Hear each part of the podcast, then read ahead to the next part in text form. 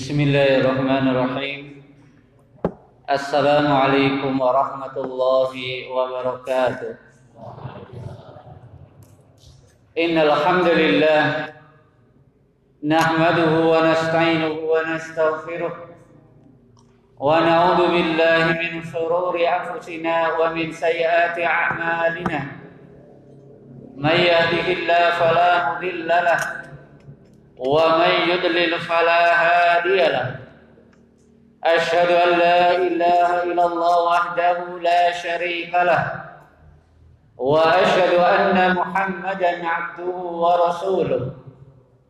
قال الله تعالى في كتابه الكريم يا أيها الذين آمنوا اتقوا الله حق تقاته ولا تموتن إلا وأنتم مسلمون.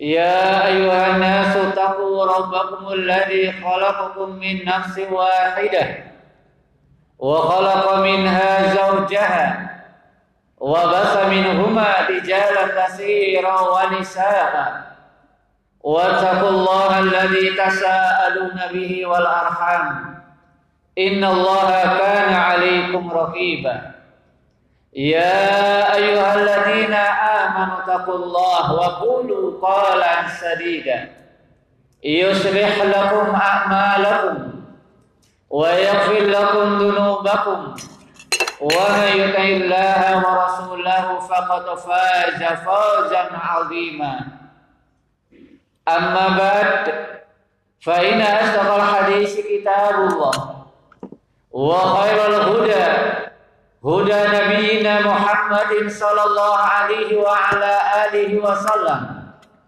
وشر الأمور محدثاتها فإن كل محدثة بدعة وكل بدعة ضلالة وكل ضلالة في النار معاشر المسلمين رحمني ورحمكم الله جميعا الحمد لله tiada henti-hentinya. Untuk kita panjatkan puja dan puji uh, puja dan puji syukur kita kepada Allah Subhanahu wa taala pada kesempatan yang berbahagia ini.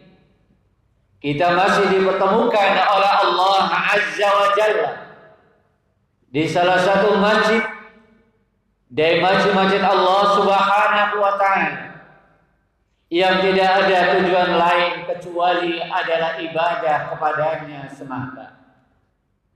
Masalah muslimin rahimani wa rahimakumullah jami'an. Insyaallah taala pada kesempatan sore hari ini kita akan melanjutkan kembali membaca sebuah risalah sebuah kitab kecil yang sudah kita baca sebelumnya yakni sebelum masa pandemi. Kita akan melanjutkan kembali kita Fadlul Islam tentang keutamaan al-Islam. Pada pertemuan-pertemuan yang telah berlalu bahwasanya umat Muhammad sallallahu alaihi wa ala alihi wasallam dan Allah anugerahkan kepadanya dengan nikmat yang sangat besar yaitu nikmatul Islam. Nikmat berupa al-Islam. Dan bahkan Allah Subhanahu wa taala memberikan sekian banyak keutamaan-keutamaan terhadap umat Muhammad sallallahu alaihi wasallam dibandingkan dengan umat-umat yang sebelumnya.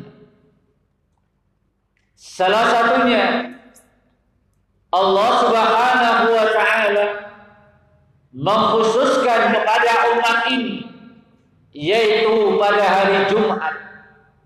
Yaitu hari Jumat adalah hari bagi kaum muslimin hari raya umat Islam pada setiap pekan dan bahkan Allah Subhanahu wa taala memberikan beberapa keutamaan-keutamaan kepada umat Muhammad sallallahu alaihi wasallam terkait dengan hari Jumat.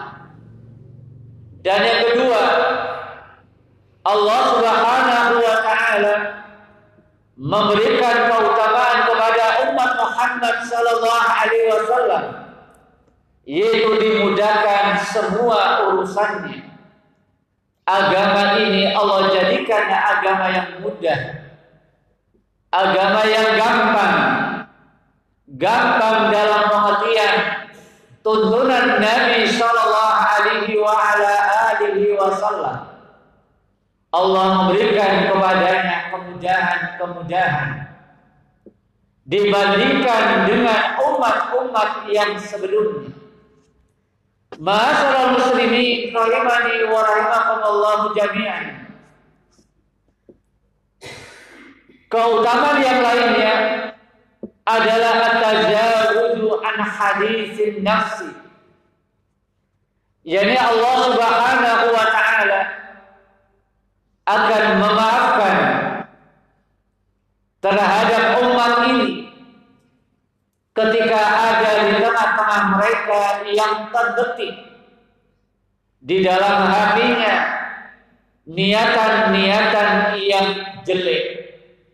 Ketika dia tidak jadi mengamalkan dan mengerjakan apa yang dia niatkan Allah Subhanahu wa taala memaafkannya.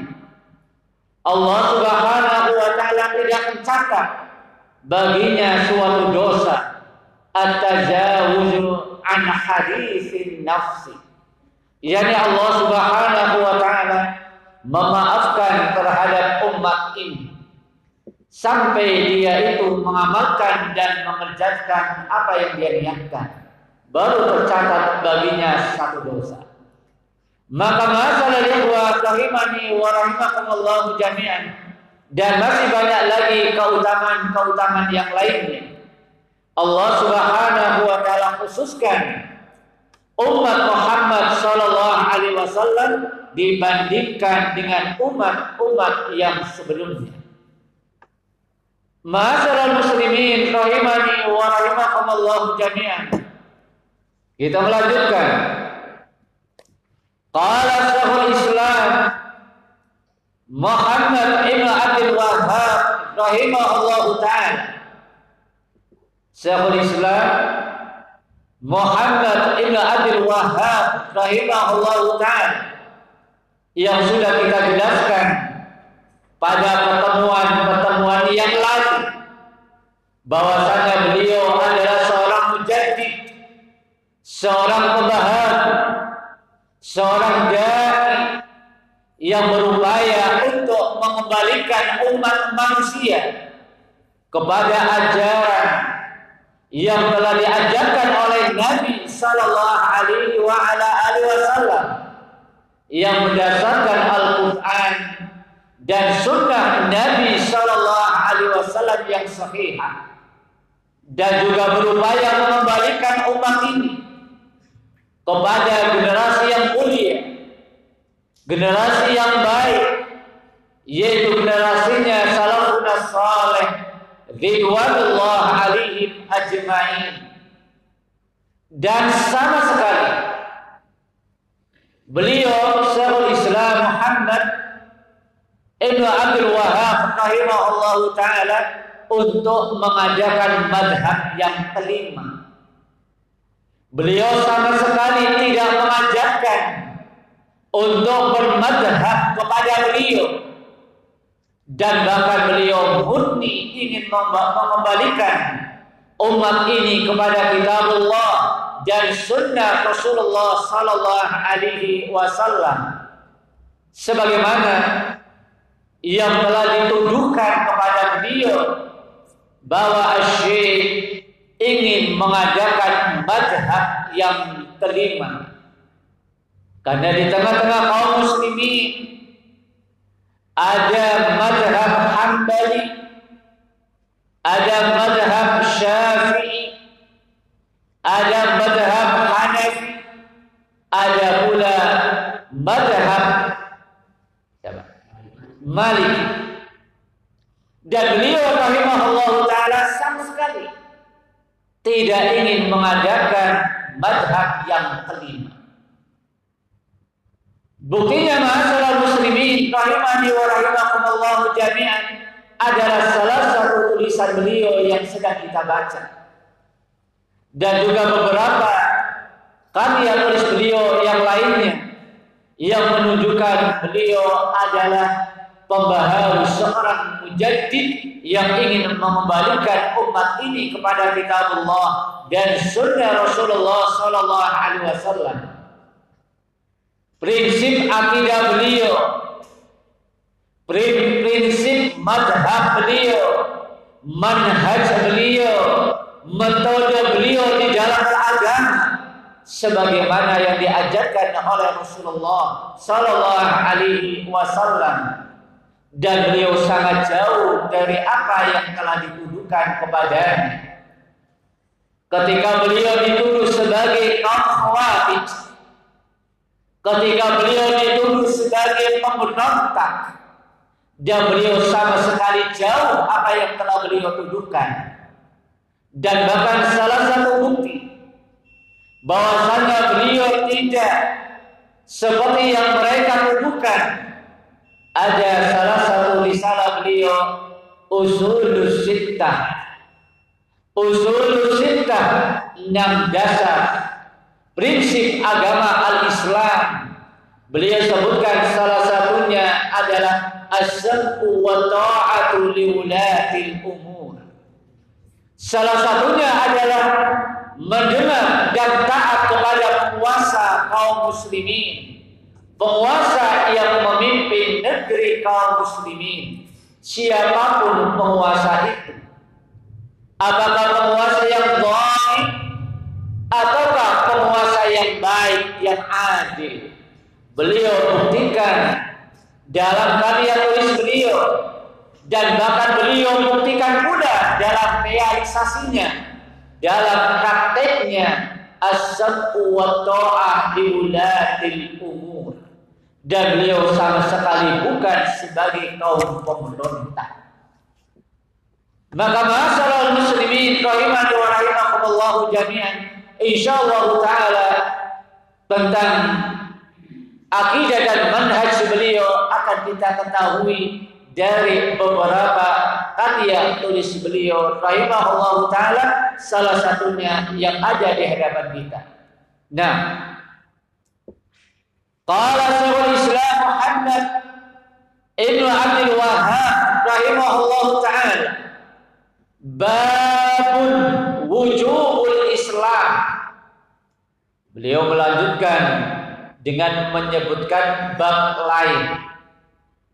Bab wujubul Islam. Wajib untuk memeluk agama al-Islam. Wa qaluhu ta'ala wa ma yabtaghi ghayra al-islam dinan fala yuqbala minhu wa huwa fil akhirati minal khasirin. Beliau membawakan salah satu dalil dari surat Ali Imran ayat yang ke-85. Barang siapa yang mencari selain agama al-Islam maka tidak akan diterima agama itu. Dan di akhirat dia termasuk golongan orang-orang yang merugi ayat yang pertama kemudian ayat ini dijelaskan oleh Syekh Shalih Al-Fauzan hafizahullah taala.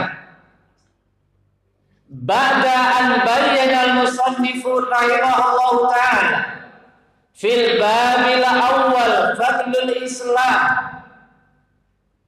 Setelah musannif yakni Syaikhul Islam Muhammad bin Abdul Wahab rahimahullah taala menyebutkan dalam bab yang pertama yaitu fadlul Islam.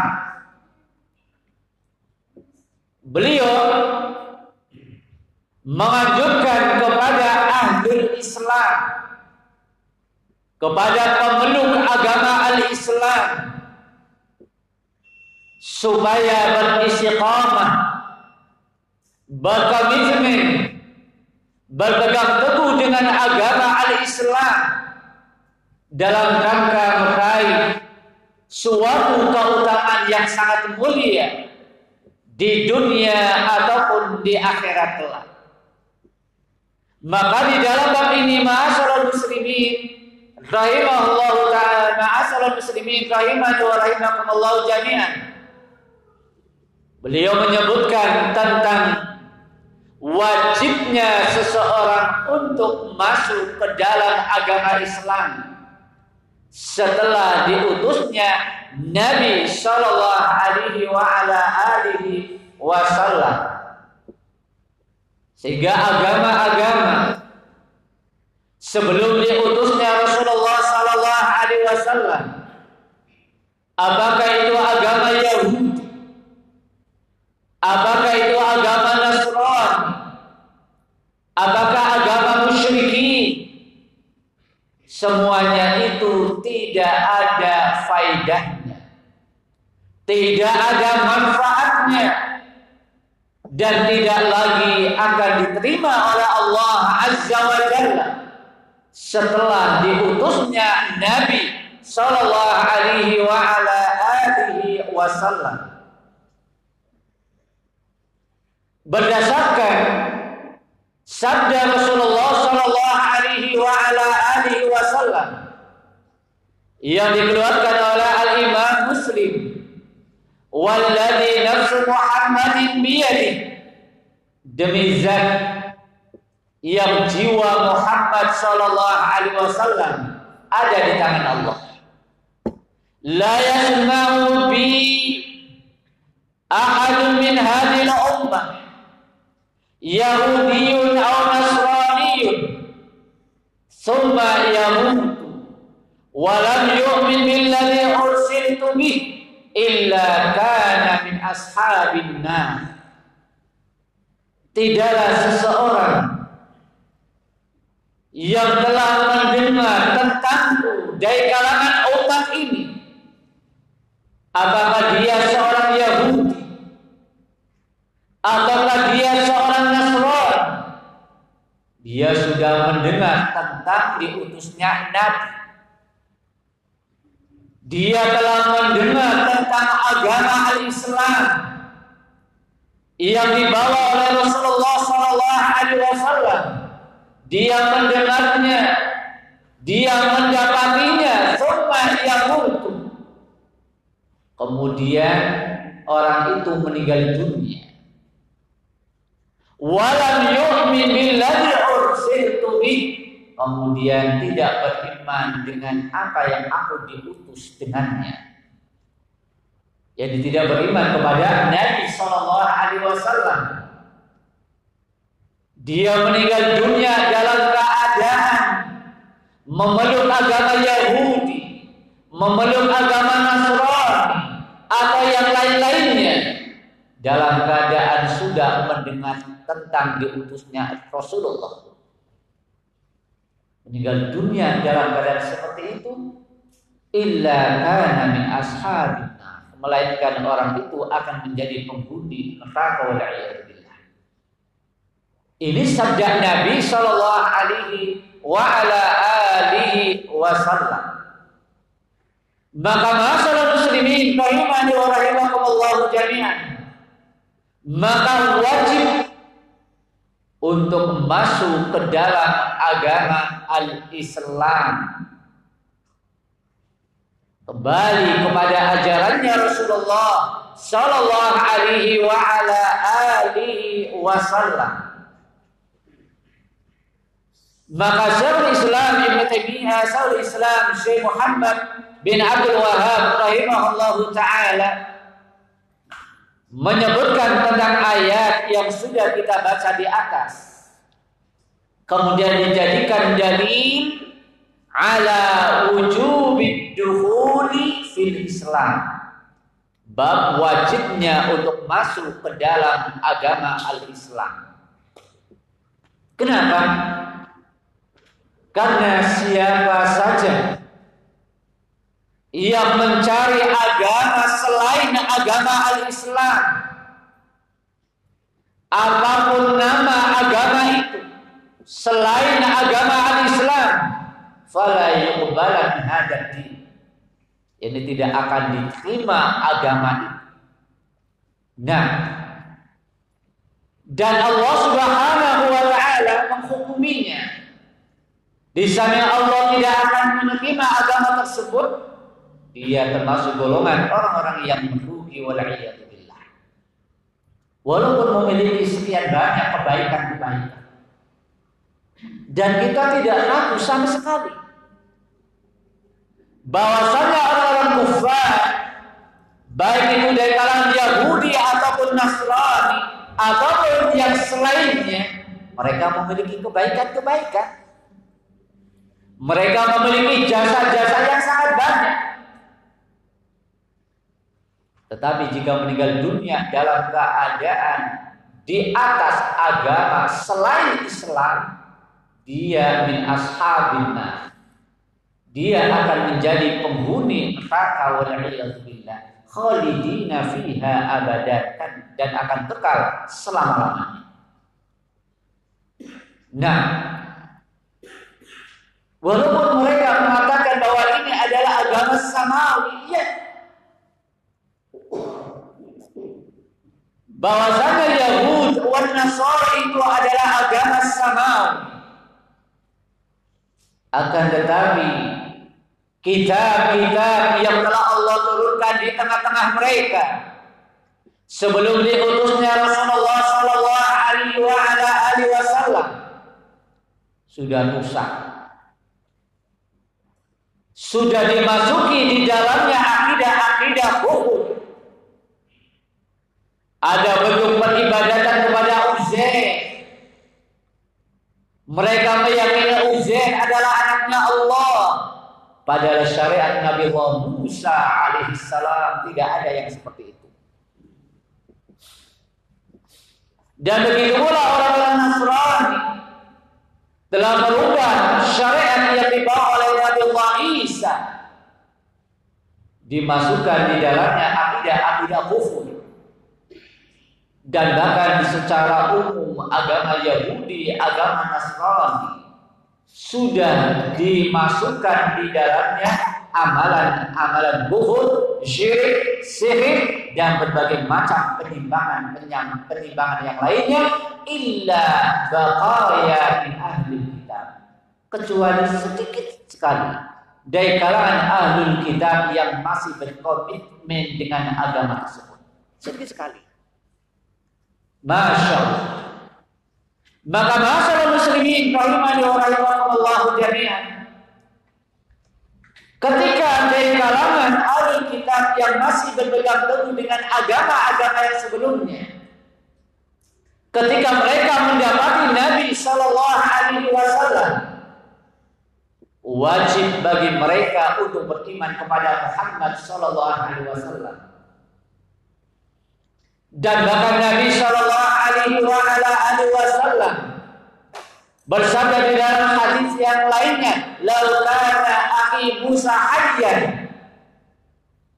Kalau seandainya Musa saudaraku itu masih hidup, wajib bagi dia untuk beriman kepada Subhanallah. Bagaimana dengan para bagaimana dengan para pengikutnya? Laukana akhi Musa hayyan. Kalau sekiranya saudara Musa alaihi salam masih hidup, wajib bagi dia yakni Musa alaihi salam untuk mengikuti ajaran Nabi sallallahu alaihi wasallam. Di sini Syekh rahimahullahu taala ketika membawakan ayat tadi dan kemudian menyebutkan bab wajibnya untuk masuk ke dalam agama al-Islam. Masya Allah. Sehingga masalah muslimin rahimani wa rahimakumullahu jami'an. Bahkan al-Islam yang diajarkan oleh Nabi sallallahu alaihi wa ala alihi wasallam ini mengembalikan tentang suatu tujuan utama para nabi dan para rasul alaihi wassalam yaitu beribadah kepada Allah Subhanahu wa taala semata. Dan ini sudah mereka dapat tentang Nabi dan Rasul Muhammad sallallahu alaihi wasallam sudah diketahui, sudah difahami, dibaca dan dapat mereka ajarkan sebelum Rasulullah sallallahu alaihi wasallam muncul. Mereka mengetahuinya. Tapi setelah Allah utus Nabi Muhammad Sallallahu Alaihi Wasallam, apa yang terjadi? Ternyata mereka mengingkarinya.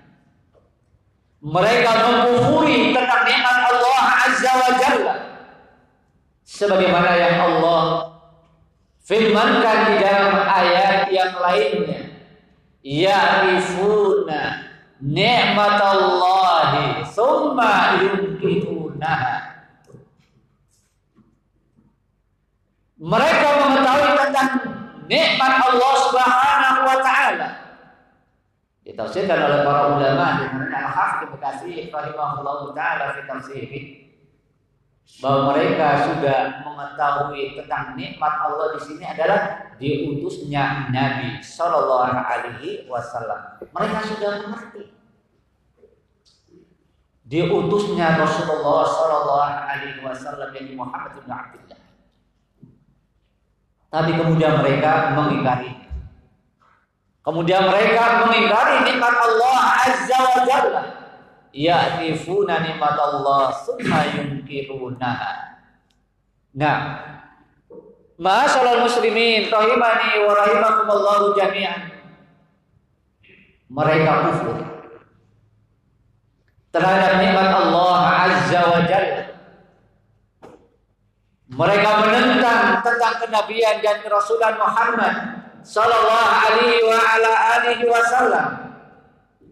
Dan Allah Subhanahu wa taala timpakan kepada mereka dengan hukuman yang setimpal. Sebagaimana Allah sebutkan di dalam beberapa ayat-ayat yang lainnya. Al-Mulk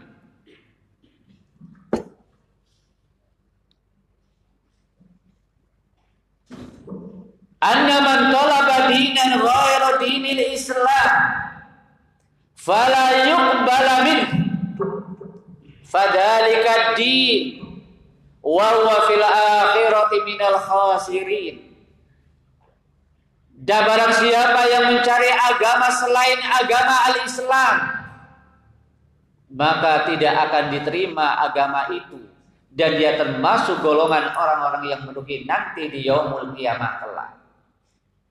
Nah, Masalah muslimin rahimani wa rahimakumullahu jami'an itulah Islam. Adalah suatu nikmat yang sangat besar Allah Subhanahu wa taala anugerahkan kepada kita. Nah, suatu kenikmatan yang sangat besar. Allah tumbuhkan kita dalam lingkungan kaum muslimin dan bahkan dalam keluarga muslimin itu suatu nikmat yang besar. Tinggal sejauh mana kita itu mempelajari tentang Islam itu. Sejauh mana kesungguh-sungguhan kita dalam mempelajari dinullah, yakni agama al-Islam yang sesuai dengan tuntunan Nabi Shallallahu Alaihi Wasallam dan sebuah realita kejadian yang banyak kita mendengar dari sebagian abnaul muslimin anak-anak kaum muslimin mereka rela untuk murtad dari agama Islam. Padahal Islam adalah agama yang mulia. Padahal Islam itu adalah modal utama. Setelah kita meninggal dunia berjumpa dengan Rabbnya. Kemudian dalam pertumbuhannya, kemudian murtad. Rela untuk keluar dari agama Islam karena disebabkan oleh perkara-perkara ad-dunyawiyah perkara-perkara dunia. Nas'alullah salamah wal afiyah. Apabila dia meninggal dunia dalam keadaan tidak kembali kepada al-Islam, dia termasuk golongan orang-orang yang salamah wal afiyah. Kita banyak diperdengarkan tentang kondisi yang seperti ini. Nah, Kemudian masalah muslimin wa rahimakumullah jami'an yang perlu kita kaji. Yang perlu kita memahami kenapa mereka itu rela untuk menanggalkan al-Islam. Mereka rela untuk murtad dari agama al-Islam. Bukan karena kemiskinan Bukan pula karena mereka itu adalah kategori orang-orang yang tidak mampu. Tetapi dijelaskan oleh para ulama bahwa minimnya mereka tentang pengetahuan al-Islam. Nah, minimnya mereka dalam mempelajari agama al-Islam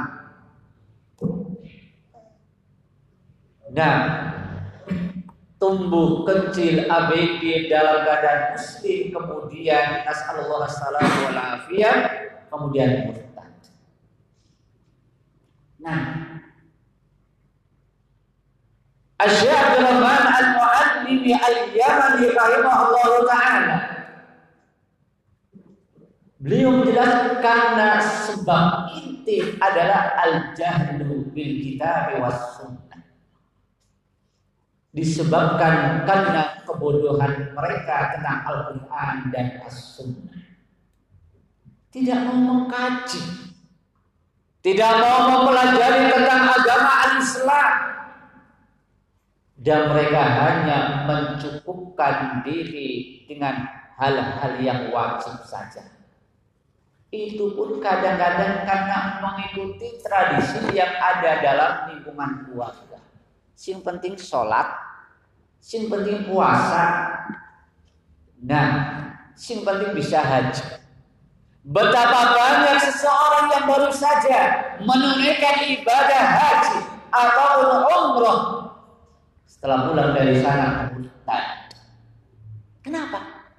Karena al-jahlu bil Quran wa sunnah, karena ketidaktahuan mereka, kebodohan mereka tentang Al-Quran dan As-Sunnah tidak mau mempelajari tentang agama al-Islam yang benar. Ini sebabnya kebodohan. Maka suatu nikmat yang sangat besar Allah anugerahkan kepada kita. Kita bisa belajar Al-Quran was sunnah dengan pemahaman salafun saleh ridwanullah alaihim ajma'in. Kita bersyukur. Kita bisa mempelajari tentang dinul Islam. Maka masalah muslimin rahimani wa rahimakumullah jami'an maka Syekh Muhammad bin Abdul Wahab rahimahullah taala menyebutkan bab ini adalah untuk mengingatkan kepada kita agar kita istiqamah dalam membentuk agama Islam. Ada apa pun situasi dan kondisi kita. Dan kefakiran yang menimpa kepada kita yang itu adalah sebuah ujian. Jangan kemudian kita terpengaruh dengan adanya iming-iming dari perkara duniawiya. Para sahabat Para sahabat ridwanullah alaihim ajma'in banyak dari al-fuqara wal masakin. Yang kadang-kadang mereka tiga hari baru makan. Dan bahkan satu hari ketika tidak ada yang bisa dimakan paginya, dia puasa, mereka puasa. Tetapi karena keimanan yang kuat, akidah mereka yang kuat tentang Allah Azza wa Jalla, kuatnya mereka intiba kepada Nabi Sallallahu Alaihi Wasallam. Walaupun mereka mengalami musibah yang sangat besar. Nah, Ka'ab bin Malik anhu bagaimana kondisi beliau Nah, betul-betul dalam keadaan genting susah. Kemudian ditawari padanya perkara dunia, ditawarkan padanya kedudukan dunia, jabatan dan ini itu. Tetapi beliau menolak. Kenapa iman? Akidah dan kesungguh-sungguhan mereka dalam mempelajari dinul Islam. Maka suatu kenikmatan Masalah ikhwan wa iman wa iman Allah jami'an ketika keadaan ini masih terus ada di tengah-tengah kita nikmatul Islam. Sebagaimana yang sudah kita ingatkan pada pertemuan yang lalu yang kita mengharapkan bisa husnul khatimah di atas dinul Islam. Hadis Amr bin Habiqah radhiyallahu anhu. Beliau mengatakan bahwa Rasulullah sallallahu alaihi wasallam "Idza arada Allah bi'abdin khairan as-salam." Apabila Allah menghendaki seorang hamba kebaikan, Allah akan memberikan kepadanya mati. Kalau ya Rasulullah wa ma'as-salam Kemudian para sahabat bertanya, ya Rasulullah, apa yang dimaksud Allah memberikan madu kepadanya? Qala yuwaffiquhu ila amalin salih thumma yahbibuhu alaih. Yani Allah berikan kepada dia taufik. Dalam lafaz yang lain, yahdihillah. Allah memberikan hidayah kepadanya dalam lafaz lain, yuftahu akan dibukakan bagi dia pintu-pintu beramal saleh.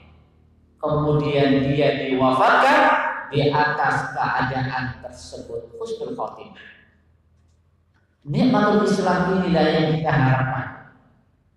Akhir dari perjuangan kita hidup di alam dunia. Nah, untuk mendapatkan madu dari Allah Azza wa Jalla. Maka di sana pun ada sebab bagaimana untuk bisa meraih madunya Allah Azza wa Jalla. Yaitu dengan cara belajar ilmu agama. Kemudian mengamalkan ilmu agama dengan ikhlas karena Allah Azza wa Jalla. Gak ada tujuan-tujuan duniawi. Dan kemudian berupaya untuk istiqamah di atas agama Allah Subhanahu wa taala. Ma'asyiral muslimin rahimani wa rahimakumullah jami'an. Ini satu ayat yang kita baca dari bab yang disebutkan oleh Syekh rahimahullah taala wa insyaallah taala kita akan lanjutkan pada kesempatan yang akan datang masih terkait dengan bab ini dan kita memohon dan meminta kepada Allah Azza wa Jalla Mudah-mudahan Allah Subhanahu wa taala mewafatkan kita, memberikan keistiqomahan kepada kita dan keluarga kita semuanya di atas Islam wa sunnah dan memberikan rezeki kepadanya husnul khatimah dan menjauhkannya dari suul khatimah. Amin ya rabbal alamin. Subhanakallahumma wa bihamdika asyhadu an la ilaha illa anta astaghfiruka wa atubu ilaik. وآخر دعوانا والحمد لله رب العالمين والسلام عليكم ورحمة الله وبركاته